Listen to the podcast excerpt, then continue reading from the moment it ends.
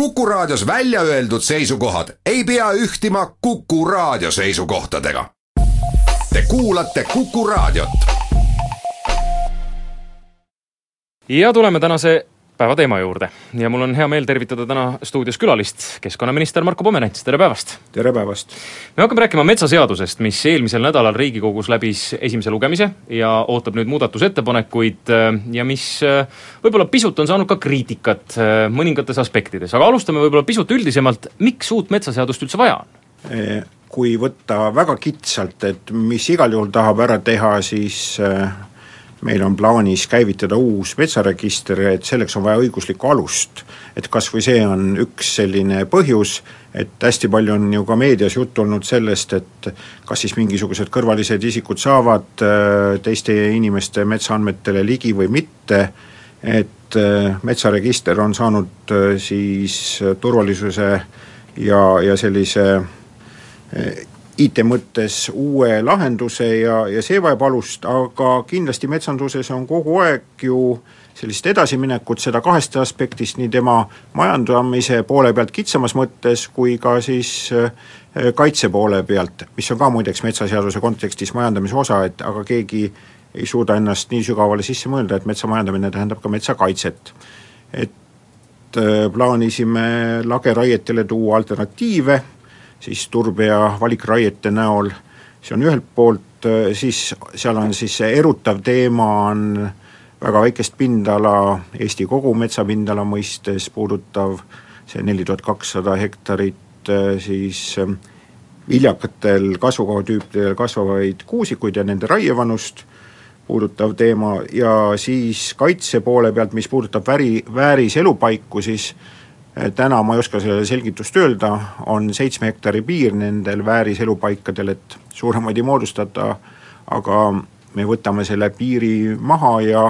nii nagu erametsades saavad need vääriselupaigad olema ka kaitsealadel, kust neid täna ei moodustata. Ja veel üht-teist eh, met-, metsataksaatorid, kes püüavad eh, metsa suuremaks valetada, ka nende vastu on siis meetmed ja litsentsi äravõtmise võimalused ette nähtud, et see võib-olla ongi lühidalt kõik, aga siis see, mis metsaseaduses ei kajastu, aga ilmselt on erinevates saadetes ka läbi käinud, et selle nelja tuhande kahesaja hektariga,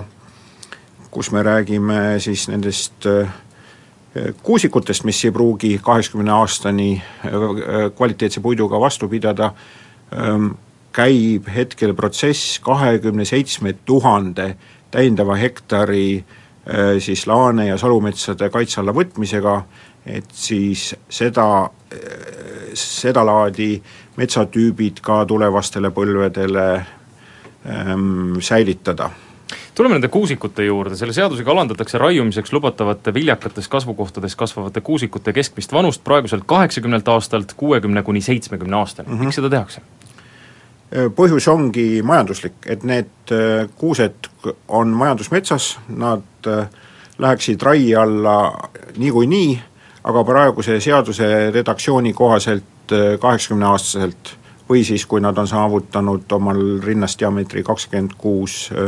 sentimeetrit, aga nendel viljakatel maadel, mis ennekõike on siis endised põllumaad, see puit seal kuuse sees tarbepuiduna ei jõua kaheksakümmend, kaheksakümnendat eluaastat või ka seitsekümnendat ära oodata, tekivad igasugused puuhaigused ja kaheksakümnendal siis eluaastal nii-öelda on tegemist äh, küttepuiduga, aga mõistlik oleks äh, raiuda selles eas, kus veel neid haigusi ei ole, saada sealt see tarbepuit kätte ja mets uuendada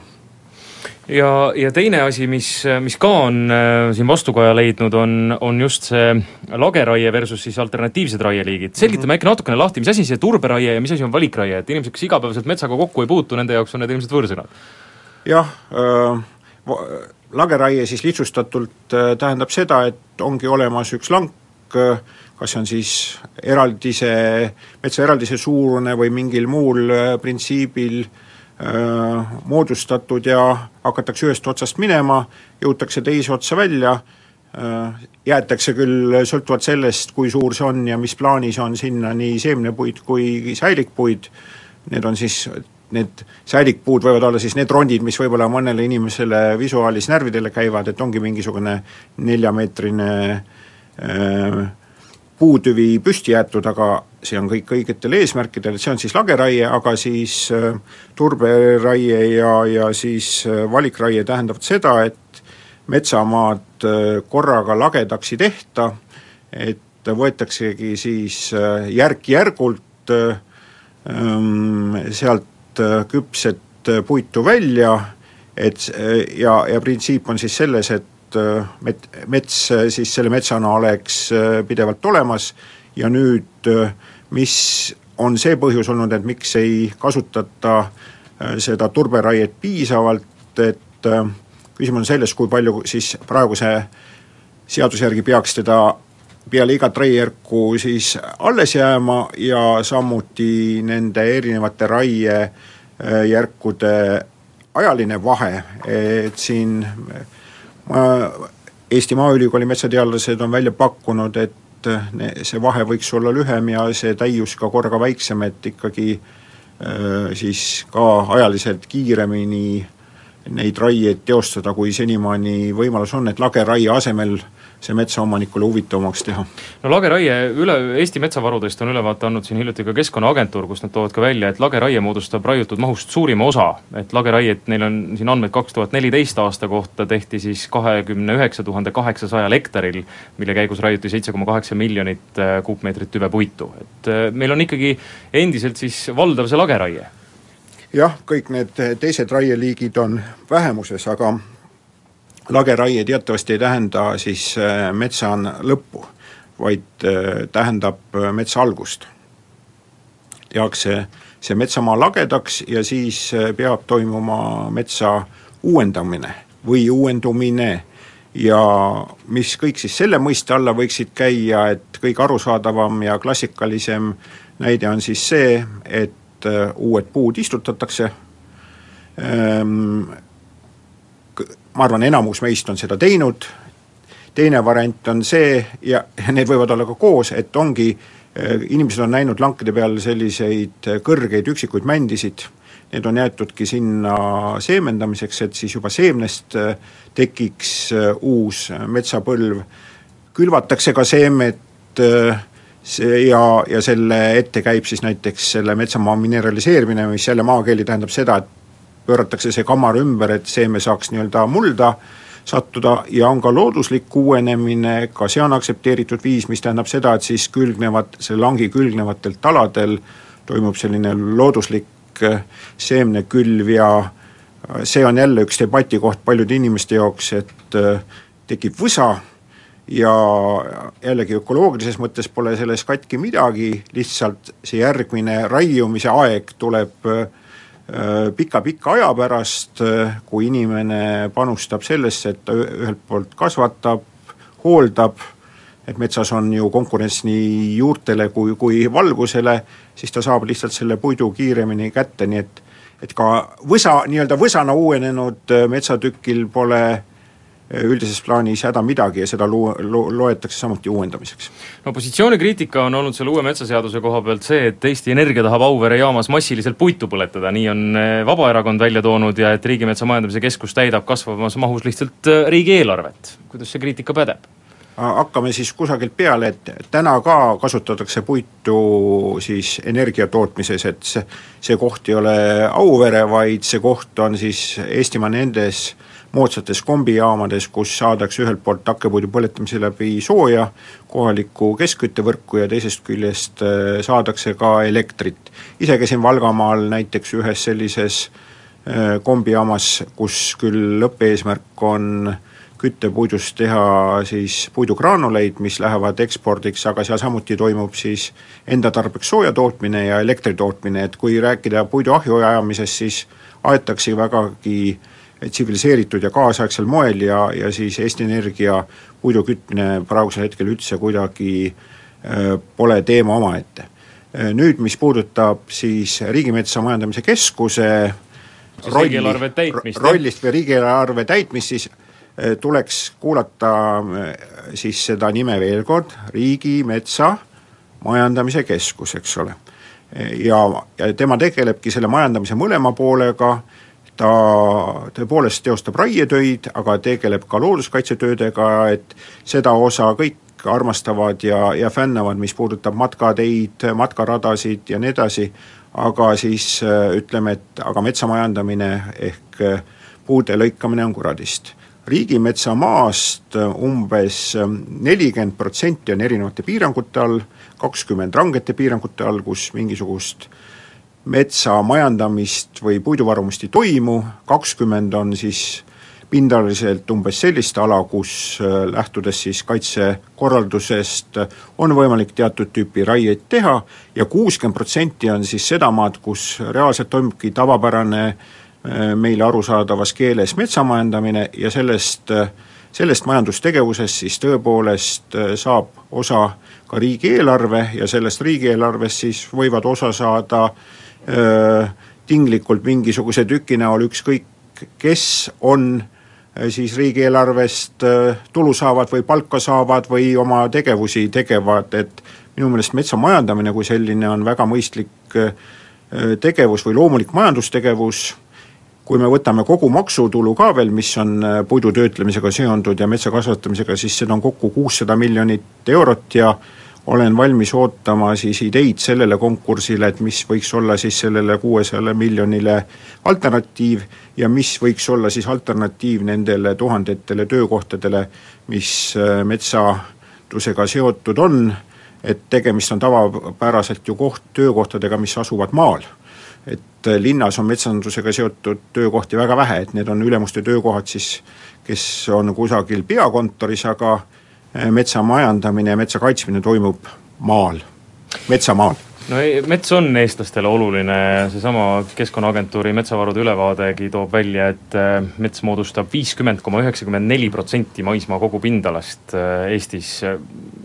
Marko Pomerants, saate öelda, et inimesed ei pea muretsema, et Eestis mets jääb alles? nii on ja ta on, see pindala on ju kogu aeg kasvanud, et kui me läheme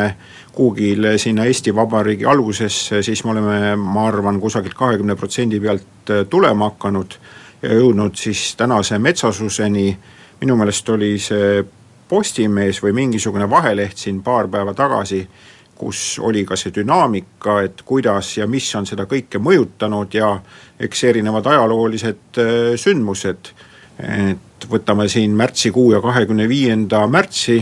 kus on äh, tegemist teatavasti küüditamise aastapäevaga, et äh, inimesed saadeti lihtsalt oma kodudest minema, tuli teine riigikord, äh, põllupidamise asemel hakkaski nendel põllumaadel mets vohama ja tänaseks päevaks on üks väljund nendest nii-öelda viljakatel maadel olevad kuusikud.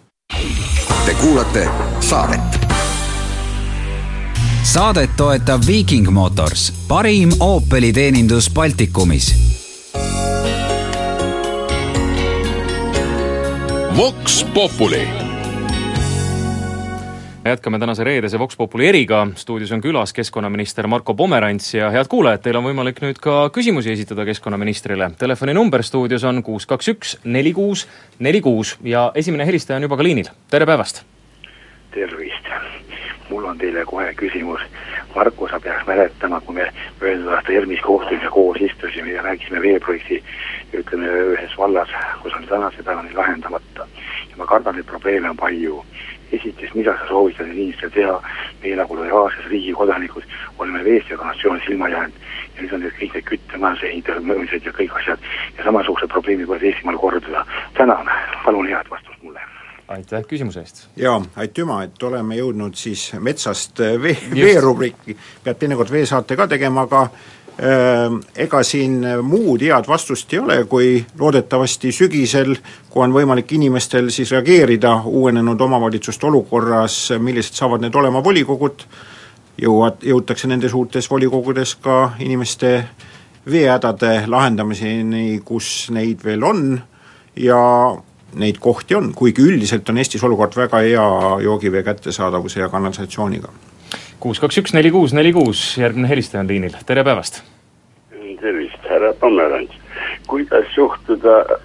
metssigadesse, näiteks eelmine minister ütles, et see on meil ressurss ja jahimehed ja selline jutt, kõik lääne naabrid hävitasid ära.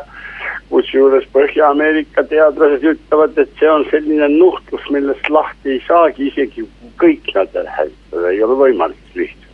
aga sellega seoses, et neid ikka meil jäeti nagu järgi, ma ei tea, kelle jaoks on ka omal meil katku oht omast käest võtta. ja see ei lõpe enne, kui need seal-sealt levitavad neid, ega. jaa, aitäh küsimuse eest, vist katkes poole sõna pealt küll ära, aga aga asi selge, küsimus siis seotud ilmselgelt sigade Aafrika katkuga ja riigisiseselt on siis selline otsus äh, vastu võetud, et äh, katku leviku piiramiseks on mõistlik äh, sigade, metssigade arvukust oluliselt vähendada, Eestis mingisugust muud ressurssi selleks ei ole, kui meie Eesti Jahimeeste Seltsi jahimehed, kes seda tööd on ennastsalgavalt äh, teinud ja, ja ma arvan, sellist hulka sigu ei kütiks, kui kui riik siis neid seda ei paluks või teiselt poolt ka ei sunniks. Ja kahe hooaja tulemusena siis on üle neljakümne tuhande metsja kütitud, aga ma arvan, et kolmandal hoole, hooajal äh, katku mõttes tuleb veel edasi minna, et seda arvukust veelgi maha saada, erinevates piirkondades erinevad tulemused, et mõnes kohas ongi sigu juba napiks jäänud, aga saarlased suuda, on suutnud kahel aastal üllatada, et rohkem kui nad sigu on kokku lugenud, on nad suutnud neid äh, küttida, küttida kuus, kaks, üks, neli, kuus, neli, kuus on telefoninumber, äkki saame mõne metsaküsimuse ka. keskkonnaminister Marko Pomerants on igal juhul valmis vastama küsimustele ja helistaja on ka liinil, tere päevast! Tere päevast! teatavasti mets on niisugune täiuslik tervik ja ta peab eksisteerima ka täiusliku tervikuna edasi eh, neis tingimustes, kui metsas toimub raie. see tähendab, et Eh, normaalne metsa majandamine saab olla ainult valikraie tingimustes. Ja, ja metsa juurdekasv, koefitsient minu teada on arvu, arvutatud ka eh, valikraie eh, ja te, metsa kui terviku säilitamise tingimustes. nüüd, kus on juba ligi kakskümmend viis aastat meil teostatud lageraiet Eh, on pilt oluliselt muutunud ja kindlasti on muutunud ka eh,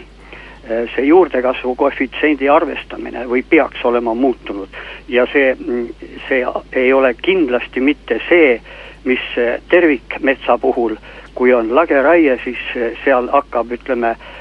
tarbemets või tarbepalk hakkab kasvama võib-olla viiekümne aasta pärast alles, sest kõigepealt tuleb võsa ja, ja nii edasi ja nii edasi. nii et seal on see juurdekasvu koefitsient väga-väga madal. Ja, ja ainult selle päästab siis see, kui kohe äh, seal istutatakse noorendik juurde. aga selle noorendiku mm, teatavasti lageraie puhul hävitab harvester ja hävitab kõik väikesed puud ja, ja siilid lömastatakse ja kõik need madal ähm, loomad, tähendab, kes urgudes elavad, need kõik hävitatakse kogu äh, seeneniidistik ja kõik, eks see, see on metsa mõrvamine, see ei ole metsa hooldamine. Nii et äh, minu küsimus oleks selline, kas te olete kaalunud äh, lageraie keelustamist ja, ja kas te arvate, et see peaks veel meil kaua aega jätkuma, niisugune, niisugune olukord, kus ühesõnaga hävitatakse metsa? aitäh küsimuse eest! aitüma, et äh, selliseid ettepanekuid ei ole tulnud mitte kordagi mitte ühegi osapoole poolt, et lageraie kui uuendusraie liik äh, ära likvideerida, küll on siis debatti selle teise poole pealt, mis puudutab metsa uuendamist, et kuidas suhtuda sellesse, et mets uueneb siis nii-öelda looduslikul teel ja kuivõrd ja kas peaks forsseerima siis inimese poolt metsa uuendamist, aga ei, ma arvan, et sellist valitsust ei tule, kes lageraie kui raieviisi ära keelustaks kuus, kaks, üks, neli, kuus, neli, kuus ootab järgmist helistajat. stuudios on keskkonnaminister Marko Pomerants valmis teie küsimustele vastama, mis puudutavad võib-olla esmajärjes ikkagi metsaseadust, uut metsaseadust, mis eelmisel nädalal Riigikogus esimese lugemise läbis ja mis praegu muudatusettepanekuid ootab. järgmine helistaja ongi liinil, tere päevast! tere päevast! ma tahaks küsida härra Pomerantsi käest,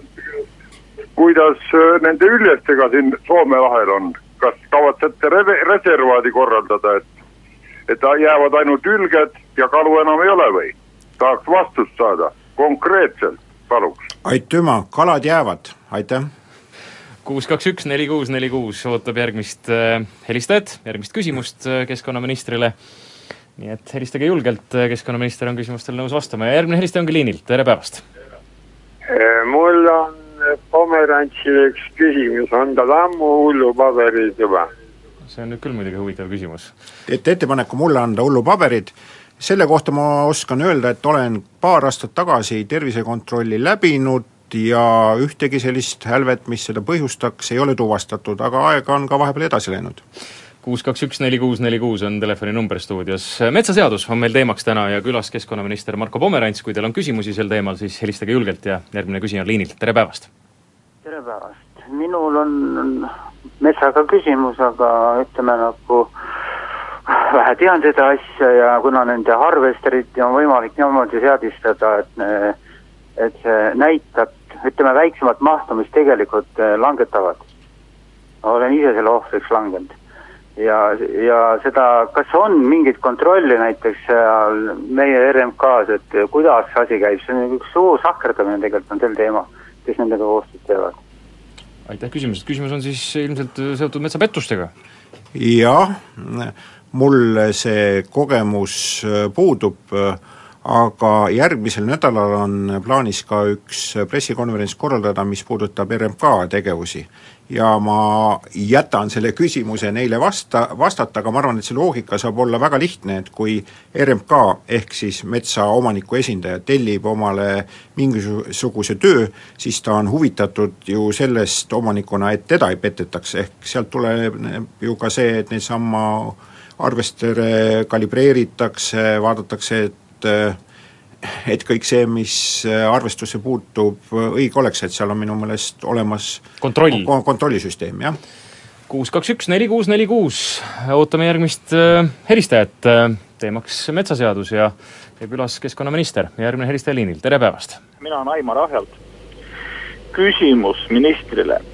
et näiteks mina hoian oma metsa, ei lõika seda maha, hoolitsen, harvendan, samas naaber võtab ta lageraieks ja tänu sellele lageraiele tuleb minu metsas tuulemurd. et peaks ka midagi sellist välja mõtlema, et ikkagi teise mets või üldse kõrval olev mets, ütleme, ei, ei häviks tänu sellistele lageraietele, noh. noh, konkreetselt mul on olemas elus selline juhus, ütleme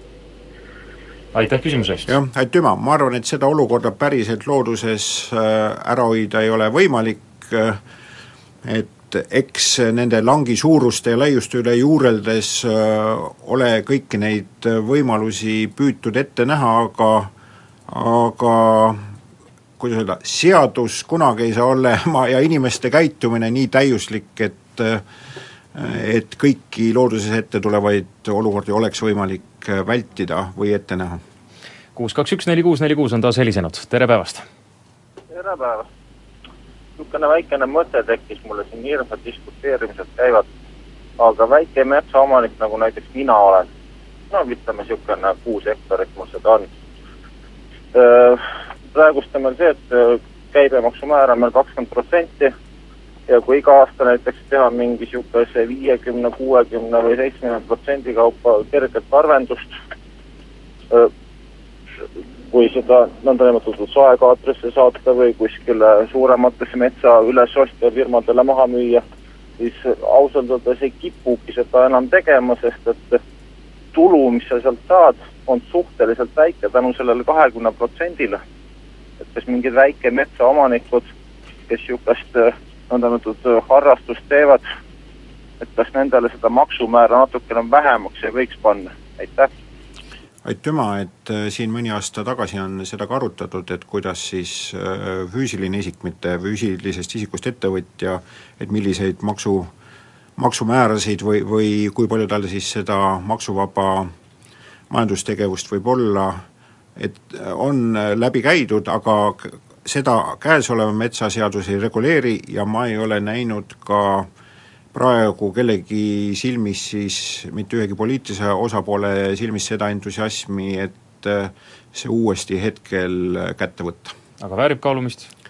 alati väärib ja neid ettepanekuid tegelikult on ka praeguse metsaseaduse debatis üles tulnud, aga äh, ma ei ole kindel, et neist äh, tingimata asja saab. kuus, kaks, üks, neli, kuus, neli, kuus on taas helisenud, tere päevast! tere! Et äh, räägib siin endine kolleeg Tiit, et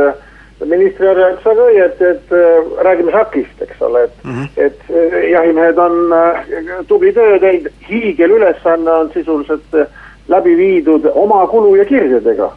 ja, ja riigi poolt oli kunagi lubatud ka siis külmkambreid, kolmsa-, üle kolmesaja jahiseltsi meil on ja, ja neljakümne kuuel neist praegu on siis riik eraldanud, et et kuidas edasi, et kas,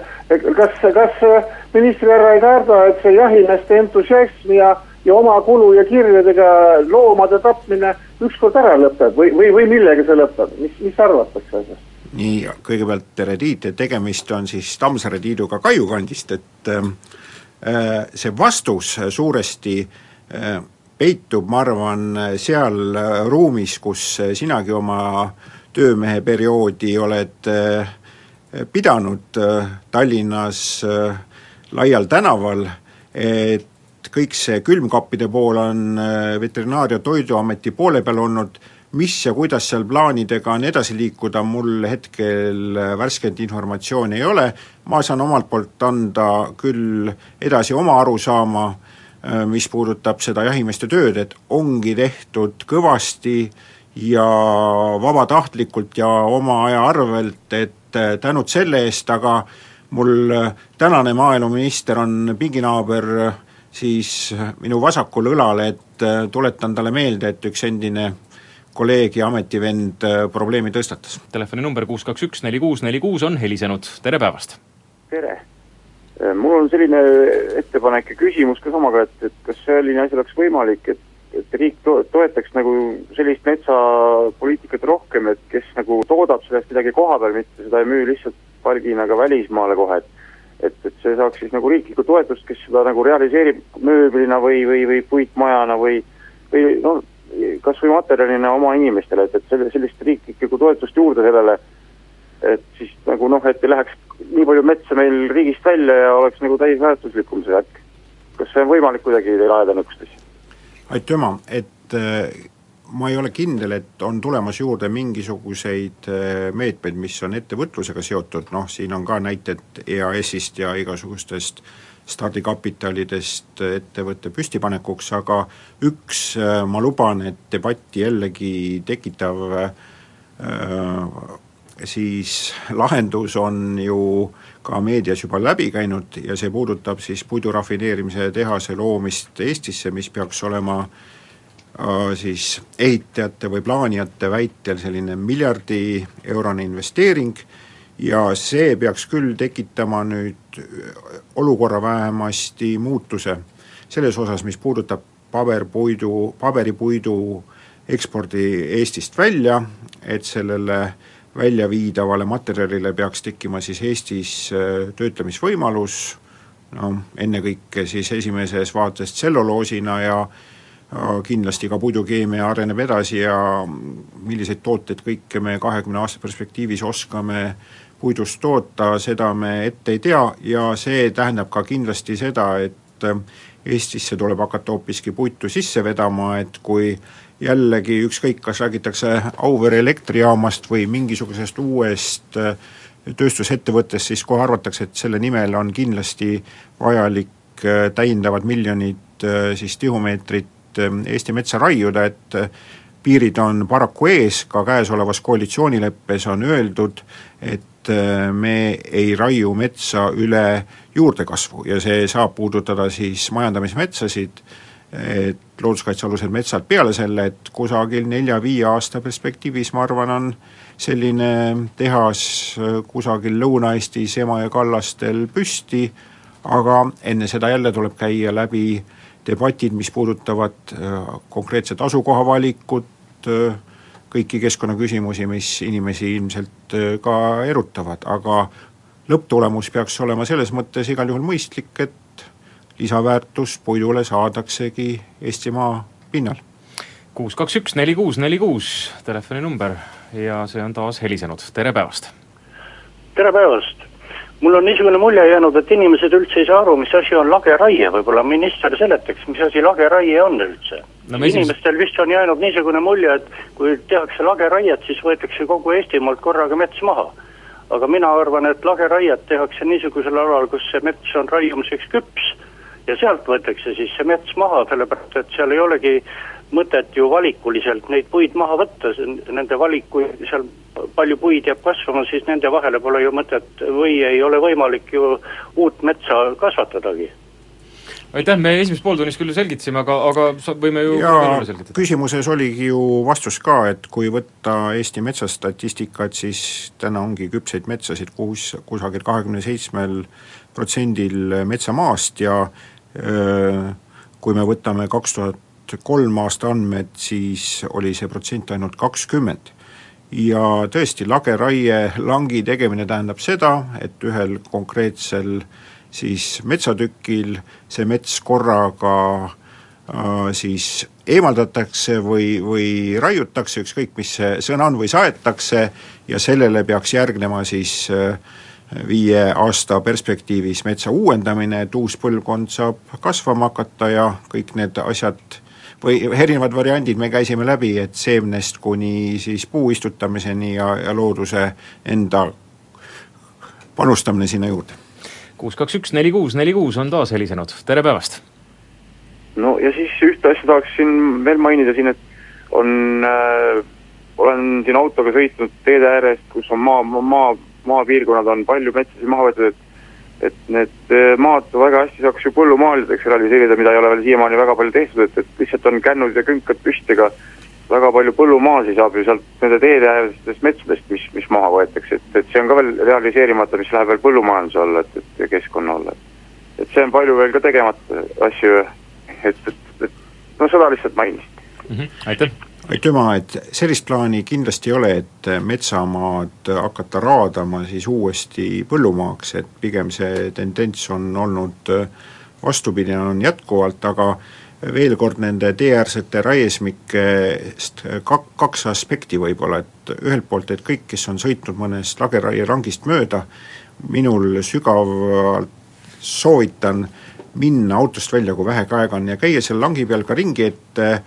see, mis seal te näete, see ei pruugi teile meeldida ja ei pruugi kokku minna teie arusaamadega, aga vähemasti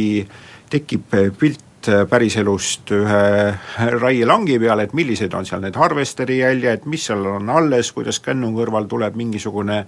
järgmine puupõlvkond, aga jällegi üks asi ka, mis kriitikat on leidnud, et raiutakse siis tee äärtest ja, ja teiselt poolt kriitika, et RMK ehitab metsateid mm -hmm. kümnete kilomeetrite kaupa et vaadake eh, siis õue, et täna on eh, märtsi viimase päeva kohta erakorraline olukord, et lumi on maas, aga mida meil ei ole olnud üldse, on talved, kus maa läbi külmaks, eks ole. et eh, metsateede tegemine ka väga vajalik, et saakski puitu ka varuda suurest teest eemal ja paraku selle juurde käib ka see, et kui mets on küps, siis teda ka tee äärest raiutakse, nii et veel siin väikseid aspekte juurde me jõuame ühe kiire küsimuse veel vastu võtta, kuus, kaks, üks, neli, kuus, neli, kuus on helisenud, tere päevast! tere, miks raiutakse nii palju puitu, mille läbimõõt on vaevalt kümme-viisteist sentimeetrit, tohutud koormad lähevad ja vagunid sõidavad?